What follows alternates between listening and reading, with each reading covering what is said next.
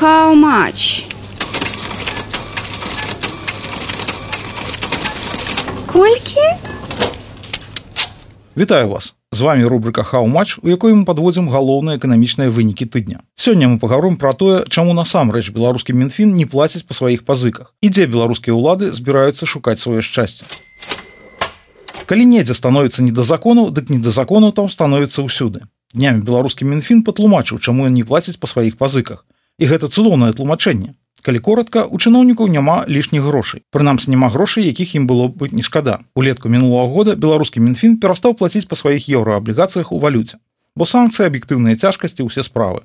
Але не хвалюйцеся казалі чыноўнікі. Мы будзем плаціць беларускімі рублямі ў эквіваленце. Я падазраю што гэта было зроблена з дрэнна прыхаванай надзеі што ахвочых на беларускія рублі не знойдзецца але знайшліся сярод гэтых інвестараў неганарлівыя готовыя ўзяць рублямі бо выявілася што беларускія бонды хаця і еўра але сярод тых хто ўклаўся ў іх шмат расіян. І тут аказалася што беларускімі рублямі мінфін заплаціць таксама не можа бо ў яго няма механізму як правильно трэба плаціць. Жаданне заплаціць ёсць а механізму няма. Таму тыя рублі якімі мінфін павінен быў аддаваць пазыку ён пералічваў на спецыяльны рахунак у Беларусьбанку. Гэта значит перакладаў грошы з адной дзяржаўнай кішэні у іншую і все было б добра. З аднаго боку пазыкі нібыта плацяцца а з другога грошай марнаваць не трэба. А ўсё чаму? Бо механізму няма. А без правільнага механізму магло здарыцца страшнае. Беларускія грошы маглі б патрапіць у неправільныя руки вось што кажа юрый селіверстаў міністр фінансаў. Э, если бы мы осуществили эти платежи то наши недружественные контрагенты платежи бы получили, а наши инвесторы из Беларуси и из России платежи бы не получили.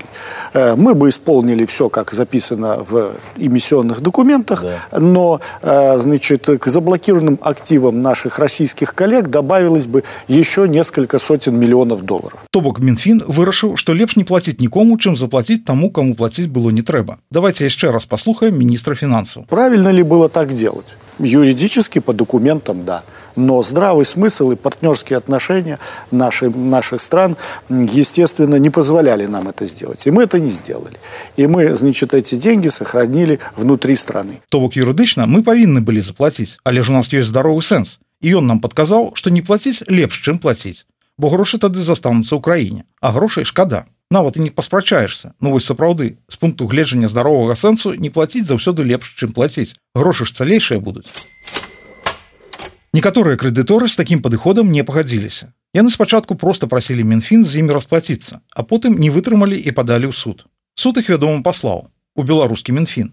Але крэдыторы не здаліся. Яны аб'ядналіся і напісалі ліст у расійскі ўрад і попрасілі, каб Расія перастала выдаваць Беларусі новыя крэдыты. Вось тут у беларускім міністэрства фінансаў крыху перапужаліся і паабяцалі, што ўсё ж заплацяць. Можа не ўсім і не адразу, але каму-небудзь калі-небудзь абавязкова заплацяць. Вось зробіць сабе правільны механізм, як трэба плаціць і адразу каму-небудзь заплацяць. Послухайте, что кажа про гэта министр финансов Юрий Сильверстов. В ближайшее время мы эту работу завершим. Нам уже понятен объем держателей угу. где-то порядка 150-160 э, в эквиваленте миллионов долларов. Кто это? Кому мы должны заплатить? В России. В России. Правда, агульный белорусский долг крыху больше, чем 150-160 миллионов. Только по стане на Сакавике он был каля 500 миллионов долларов. Але тут відаць справа зноў у разумным сэнсе якому беларускія ўлады аддаюць перавагу кіравацца замест законаў. Просто нікому ж не хочется аддаваць свае грошы чужым людзям. Праз гэта вядома крыху пакутуе рэпутацыя. Але рэпутацыі сыты не будзеш. Грошы больш надзейныя паколькі з усімі суседзямі акрамя рассіі нашыя ўлады паспелі пасварыцца яны вырашылі пашукаць шчасця на далёкім контуры на тыдні беларуская знешняя палітыка дэманстравала магутную шматвектарнасць мінск наведалі віцэ-прэзідэнт ірана міністр замежных спраў венесуэлы і вельмі прадстаўнічая дэлегацыя з экватарыяльных гвіней усе наши традыцыйныя гістарычныя партнёры. Таму што з гэтымі краінамі у беларускіх уладаў поўнае геапалітычнае разуменне і аднолькавыя ўяўленні пра ідэальны парадак у свеце. Вось як гэта казаў лукашенко на сустрэчы з віцэ-прэзідэнтам ирану обстановка в мире накаляется. Ближневосточный кризис э, способствует тому что недружественные нам страны соединенные штаты америки и запад постоянно направляют острие этого конфликта против ирана. Вы это чувствуете лучше Наш ответ один. Мы должны плотнее работать друг с другом, вместе сотрудничать, чтобы противостоять этим выпадам. Супрацьстаяннем недружалюбным выпадам усё ў парадку. Супрацьстаялі, супрацьстаяць будуць супрацьстаяць.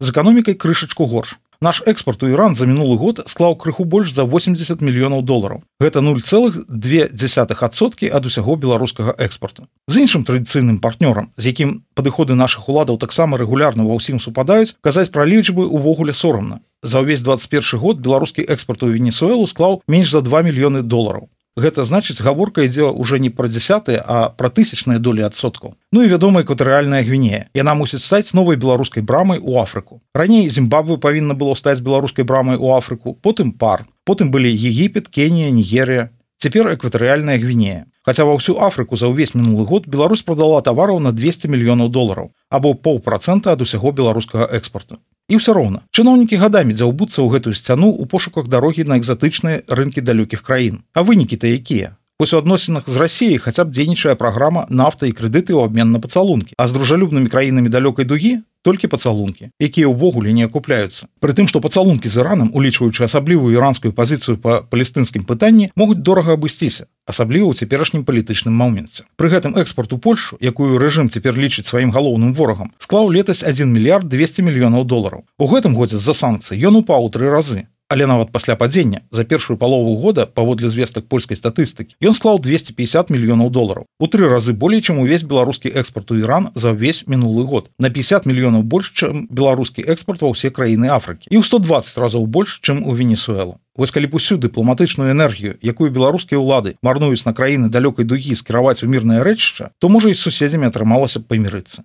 З практычнага пункту гледжання оно было больш карысна. Хаця беларуская знешняя палітыка даўно ўжо не кіруецца практычнымі меркаваннямі. Пацалункі важнейшы. На гэтым усё. З вами была рубрика Хау матч, пачуемся на наступным тыдні.